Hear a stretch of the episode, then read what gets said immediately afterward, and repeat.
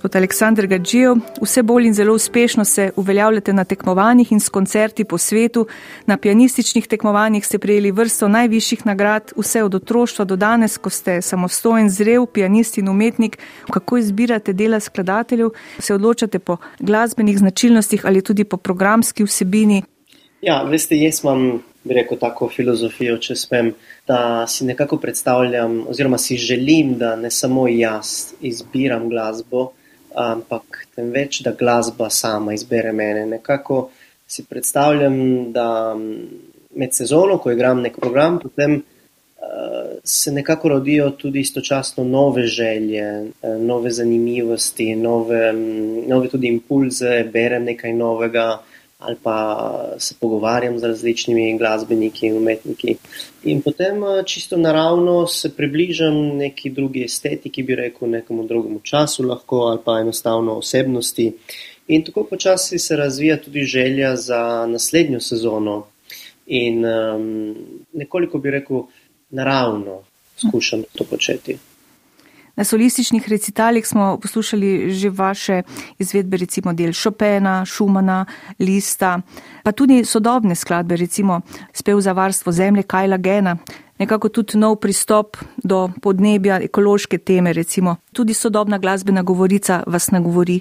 Ja, seveda, nisem imel še toliko časa, kot bi si resnično želel, da se poglobim v to bolj sodobno govorico, v estetiko tudi uh, sodobnega časa, ampak imam seveda m, mm, veliko skladateljev, ki me zanima, kateri jezik mi je tudi blizu, recimo glasba Georgija Ligetija ali Lučana Berija, ki sem že igral in predvsem uh, v bolj sodobnih še Tomas Ades, uh, to je angliški skladatelj, ki mislim v 50-ih letih, ki je pisal tudi kar precej za, uh, za klavir in um, ja, katerega estetika mi je zelo zanimiva čeprav ne stoprocentno blizu. In um, istočasno bi tudi povdaril, da še vedno imam to željo, da se približam tudi k svetu improvizacije in um, mislim, da nekoliko mi bo to uspelo v bodočih letih, verjetno uh, še več, temveč še več kot uh, v sedanjosti.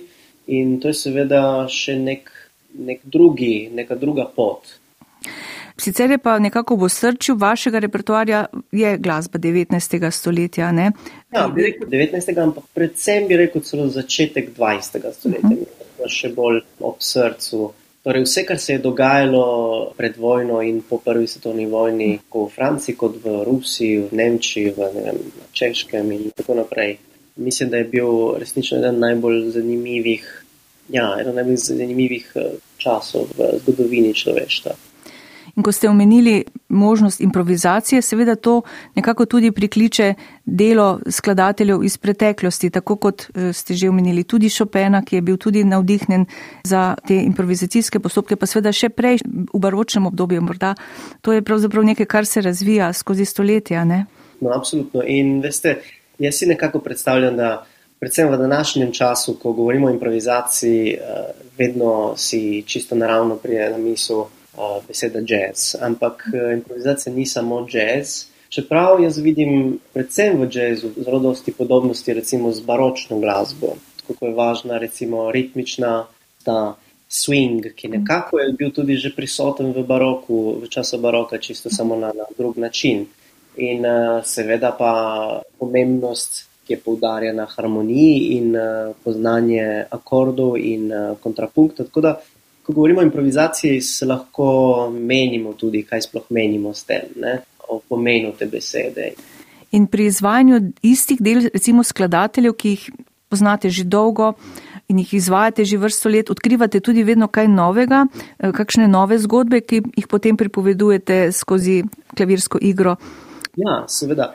Veste, ko, ko je jezik, predvsem nekega skladatelja, tako blizu, potem seveda ni samo delo v tem, kako, kako je človek zvežbal vse pasaže, kako se je, kako razume, dojema strukturo glasbe in zgodbo in govorico tega ali, ali drugega skladatelja, ampak gre potem za tudi občutek enostavno, kako se človek počuti, kako se človek počuti v tistem dnevu, kdo je sploh izvajalec v tistem trenutku, kaj on prikaže v tem, kako se pokaže publiki, občinstvu. In to potem ni samo potem 100% povezano samo z glasbo, samo po sebi, ampak že z notranjim eh, svetom tega ali drugega izvajalca.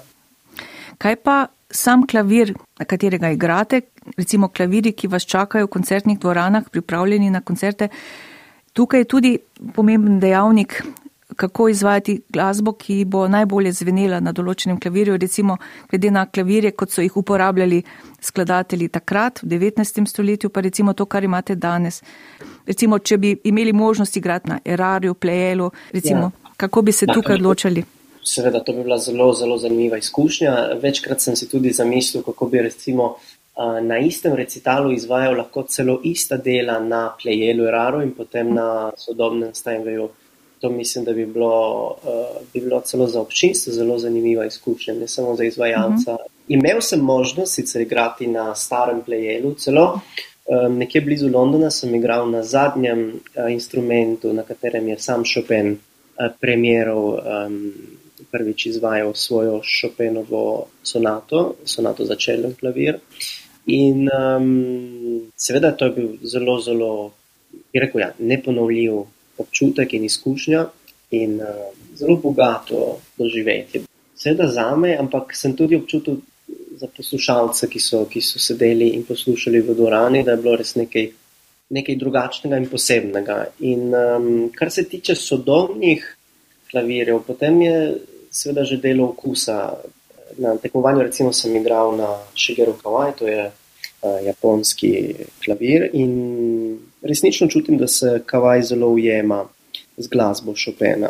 Po drugi strani recimo imamo seveda tudi druge klavire, kot so recimo Facioli. Si predstavljam, da je nekako pisan na kožo bolj sodobne glasbe. Recimo si predstavljam zelo dobro izvajati ta dela, ki smo prej omenili, Tomas Adeza ali Ligeti, recimo na, na Faciolju. Potem pa imamo seveda Steinway, ki je še vedno ena najbolj bogatih. Koda, imamo vedno več zbire. Ampak možnost je tudi za izvajanje torej, teh skladb, ki jih največ izvajate, recimo Chopina, Lista, Šupana, nastajajo, ja. pridobi tudi na tem klavirju. Pridobi, seveda tudi nekaj drugega izgubi. Je treba dobiti nek kompromis. Seveda igramo v velikih dvoranah in ne več v takih salonih. Ne vedno, ampak predvsem. Tako da je treba iskati nek kompromis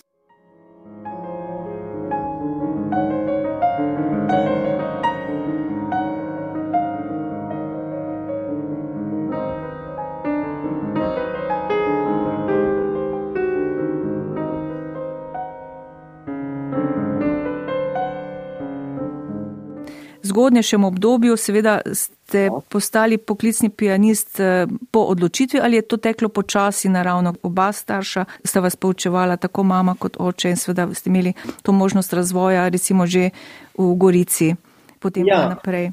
Spet zopet tudi tle nekako se nisem nikoli samo odločil mehansko za, za poklic.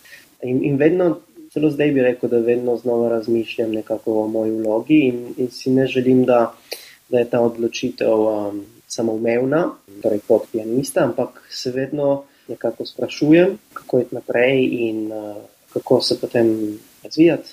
Da, um, razvilo se je naravno in, uh, ja, in upam, da bo tudi to uh, nadaljevalo. In morda bi omenili lahko nekaj vaših teh menikov na poti, prelomnic, morda ja. velikih glasbenikov, ljudi, profesorjev, ki so vplivali na vaš glasbeni razvoj tako od konzervatorija v Italiji do Mozarteuma in drugot, recimo, kjer ja. ste študirali in ljudi, ki ste jih srečali na poti. Ja, seveda začel sem z mamo, ko sem imel štiri ali pet let, Ingrid Silič, in potem sem nadaljeval več, skoraj 10, 11 let, ja, 11 let z očetom, ki tudi poučuje na konzervatoriju v Ljubljani. In uh, potem pa sem uh, se preselil v Salzburg in uh, končal sem študij v Berlinu. Nekako se je vedno nadaljeval s tako rekoč, tako imenovano rusko šolo, čeprav sta um, ona dva, uh, Gililov in, uh, in Gorsin, nekako nadgradili, bi rekel, nadgradila rusko šolo s svojimi pogledi. In, um, seveda sta se rodila v tem obdobju in v tistem, eh, tistem času in kraju, ampak potem sta izoblikovala nekako lastno šolo, tako kot je tudi moj oče, ki je se preselil. Da, mhm. neka, neka zanimiva, bi rekel, ja, nek zanimiv miks. Pa ste morda tudi sami potem samo inicijativno odšli komu posebej na tečaje ali poletne kurze. Ja. Recimo, če ste želeli z neko pri nekom delati, eh, vas je še zanimal, kater drug pianist zaradi načina igranja, morda poleg te ruske šole. Ja, seveda sem imel predvsem uh, zanimive, zanimive lekcije s um, Ferencem Radošem, to je z mačarski, uh -huh. uh, predvsem bi rekel pedagog, seveda tudi pianist, ampak predvsem pedagog, to je učitelj Andrasa Šifa, pa Kočeša, pa vseh teh velikih uh, mačarskih pianistov. In on je imel čisto drugačen pogled do glasbe, ne tako koncentriran na, na zvok, bi rekel, torej ni samo zvok, ta izvir vsega, vsega bogatstva glasbenega, ampak uh, predvsem se je se je vse gradilo nad občutkom forme, oblike in metričnega. Pri devetih ste prvič nastopili kot solist z orkestrom, z enajstimi pa ste že sami nastopali na prvih samostojnih koncertih v Italiji in Sloveniji. Potem je sledila vrsta nagrad, zmage tudi na tekmovanjih Benetke, Japonska, Monte Carlo, Sydney in ne na zadnje tudi oktobra 21 veliko tekmovanje, Šopenovo tekmovanje v Varšavi, ker ste tudi prejeli posebno nagrado, skratka veliko uspehov. In me zanima, kako pomembna so tekmovanja za vaš glasbeni razvoj. Vam pomenijo predvsem boljšo, širšo prepoznavnost ali imajo kakšno drugo pomembno vlogo na vaši glasbeni in razvojni poti? Ja, vedno, vedno težko odgovoriti na, na to vprašanje. Veste, tekmovanje imata, bi rekel, dve plati medalje. Po eni strani so seveda velika možnost za mladega, mladega pianista, instrumentalista na splošno, ker eh, predvsem na tekmovanju Chopina, če si ogledate število poslušalcev eh, na YouTubu, to je bilo neko resnično neverjetno, neponovljivo eh, število milijonov, milijonov ogledov in poslušalcev po celem svetu, po Evropi, na Japonskem, v Ameriki, ne vem vse povsod resnično. Po drugi strani, seveda se lahko tudi rodi neka vrsta, bi rekel, takega praznega perfekcionizma. In to je vedno treba, seveda, iskati neko ravnovesje med tem. In uh, po drugi strani pa ima tudi spet ne samo možnost se prikazati, ampak resnično razviti. Neko svojo individualnost vsake, vsake glasbe. Tako da je resnično odvisno od, bi rekel, vodstva, torej od pedagoga in potem od uh, samega posameznika.